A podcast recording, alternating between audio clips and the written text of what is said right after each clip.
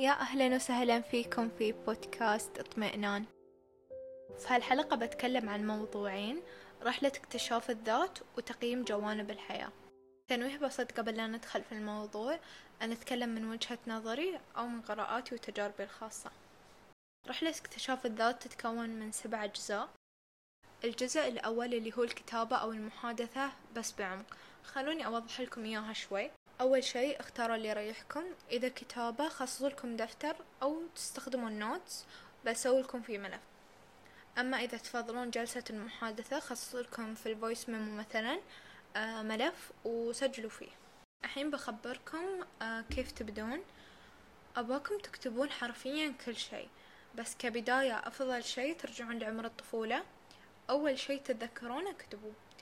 سواء كان موقف حلو موقف سيء شي مستحيل تنسونه أو حتى شي تحسون إنه ترك لكم أثر. عقب ما تكتبون كل شي في مرحلة الطفولة بنروح لمرحلة المراهقة. مرحلة المراهقة نفس مرحلة الطفولة. بنقول كل شي نتذكره رغم إن أنا متأكدة إن في وايد ناس ما يتذكرون هالمرحلة مية بالمية لأن آه، أغلبنا في هالمرحلة نفقد تقريبا أربعين بالمية أو خمسين بالمية من ذاكرتنا إذا مو بأكثر. وشوي شوي لين ما نوصل للمرحلة اللي نحن فيها آه بنذكر بعد الأشخاص اللي خلوا فينا أثر الأشخاص اللي ما مستحيل ننساهم الأشخاص اللي مستحيل نسامحهم كل شيء. ولازم طبعا تذكرون الأشياء بالتفاصيل على كثر ما تقدرون. الأشياء اللي تتذكرونها كتبوها. الحين آه تبدون تدونون يومياتكم أول بأول. المواقف اللي صارت الأشياء اللي حسيتوا فيها المشاعر يعني شو المهام اللي أنجزتوها؟ هالشي وايد مهم ترى. أحب أسوي to-do list بس في دفتر التدوين علشان إن كل ما أخلص من مهمة مثلا أحط عليها check mark وهالتشيك مارك كفيل إنه يخلي يومي كامل سعيد. يخليني أحس إن أنا أنجزت شي لو شي بسيط. وعلى فكرة نحن إذا قدرنا الأشياء البسيطة اللي تستوي في يومنا امتنينا مثلا الأشياء البسيطة بنقدر نقدر الأشياء الكبيرة. وترى مستحيل تحصلون أي شخص ما يقدر الأشياء الصغيرة بيقدر الأشياء الكبيرة. خلصنا من جلسة الكتابة والمحادثة بعمق. الحين بنروح للامتنان. الامتنان ليش مهم في رحلة اكتشاف الذات؟ أول شي بنكتشف نحن شو نحب. شو الأشياء اللي نحن نقدر وجودها في حياتنا؟ عشان شي في التدوين نفسه أباكم تسوولكم مثل بوكس شي صغير اسمه امتنان. وتبدون تكتبون فيه أول ما تقومون الصبح. تكتبون شو الأشياء اللي ممتنين أنتم إلها. وحتى في نهاية اليوم كتبوا شو الأشياء اللي كنتم ممتنين إلها خلال اليوم. قبل فترة في الإنستغرام شفت آه تمرين عن الامتنان وايد حلو. وهو يصنف ك كعلاج بالفن. أه ترسمون شمس وإلها شي مثل أفرع طالعة منها وكل فرع تكتبون فيه شي أنتم ممتنين له. أحس كبداية وايد وايد حلو. وجربوا وعطوني رأيكم. تحليل صدمات الطفولة ومحاولة التعايش مع الصدمات هذا بسوي عنه حلقة كاملة إن شاء الله. وبشرح لكم كل شي فيه لأنه موضوع جدا عميق وما أقدر أشرح لكم إياه. ف بودكاست يعني مع موضوع ثاني. أوكي النقطة الرابعة شو الأشياء اللي أباهن وشو رسالتي في هالحياة وكيف أعرف؟ أول شي كيف أعرف شو أنا أبا؟ لازم تعرفون شو أنتوا تحبون. آه مثلا من لون من أكل من آه من طريقة حياة حتى من آه طريقة لبس مثلا. شو الأشياء أو شو الشخص اللي أنتوا تبون تكونونه في المستقبل.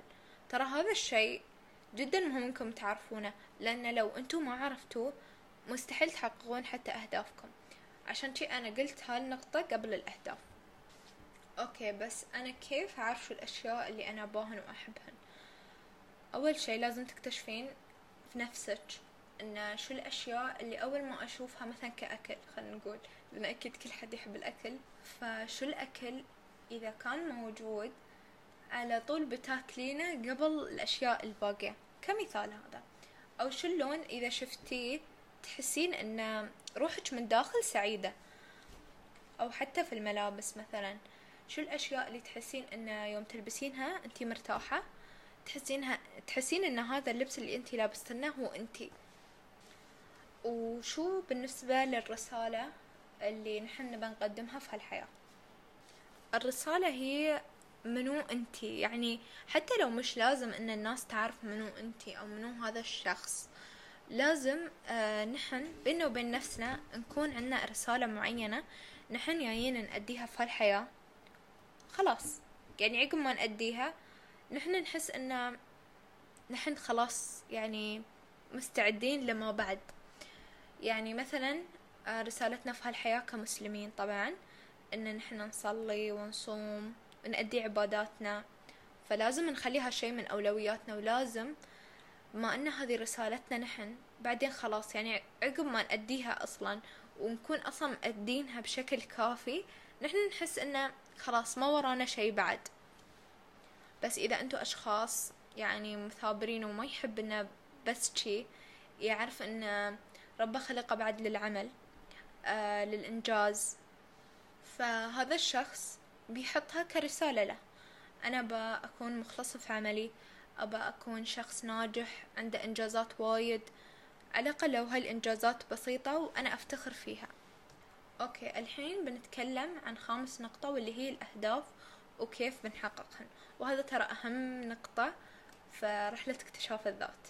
بس لازم نكون حاطين مثل الأساس أول اللي هو الكتابة وتحليل صدمات الطفولة وتعرفون شو تبون وشو رسالتكم عشان تعرفون شو الأهداف اللي أنتوا تبونها. آه طبعا بعد ما تعرفون شو رسالتكم وشو الأشياء اللي أنتوا تبونها ومنو أنتوا بتبدون تحطون أهدافكم. أهدافي مثلا إن أنا أبى أكون الشخص الفلاني عقب كم شهر. طبعا نحن لازم نحط range إنه ست شهور. لأن ست شهور كفيلة إن نحن نكون أشخاص ثانيين تماما. فمثلا أنا أبى أكون شخص ناجح في البودكاست. فببدأ أشتغل طول الست شهور على أهد... على هدف معين. أسوي مثلا كل يوم شي بسيط يخليني عقب ست شهور أكون مخلصة شي يعني أفتخر فيه. كمية أنا مفتخرة فيها. وأكون صدق محققة هالهدف في فترة قصيرة. ترى ست شهور يعتبر شي قصير. لأن نحن الحين لو نلاحظ ترى السنة استوت قصيرة.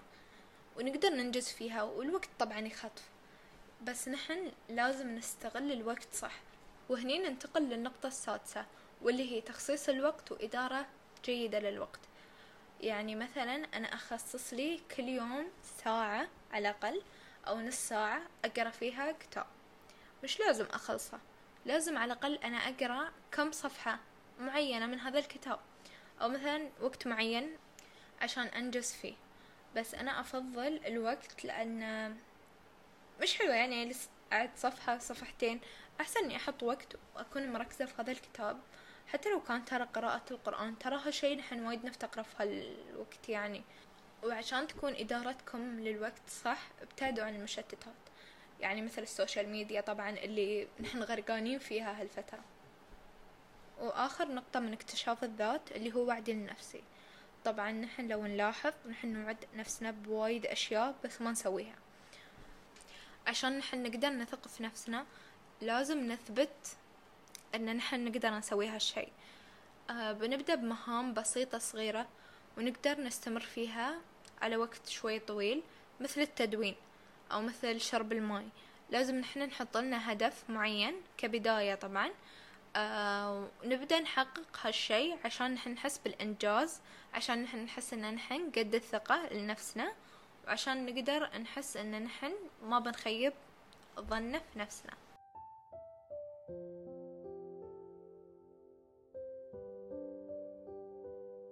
الحين بتكلم عن جوانب الحياة. أه هن ثمان جوانب. أول شي جانب المشاعر. جانب المشاعر هو النضج التحكم بالضغوطات العطف والمسامحة. الاجتماعي هو التواصل الحدود الدعم وطلب المساعدة. أما الجسدي النوم الكافي الراحة التمدد الأكل الصحي والتمارين.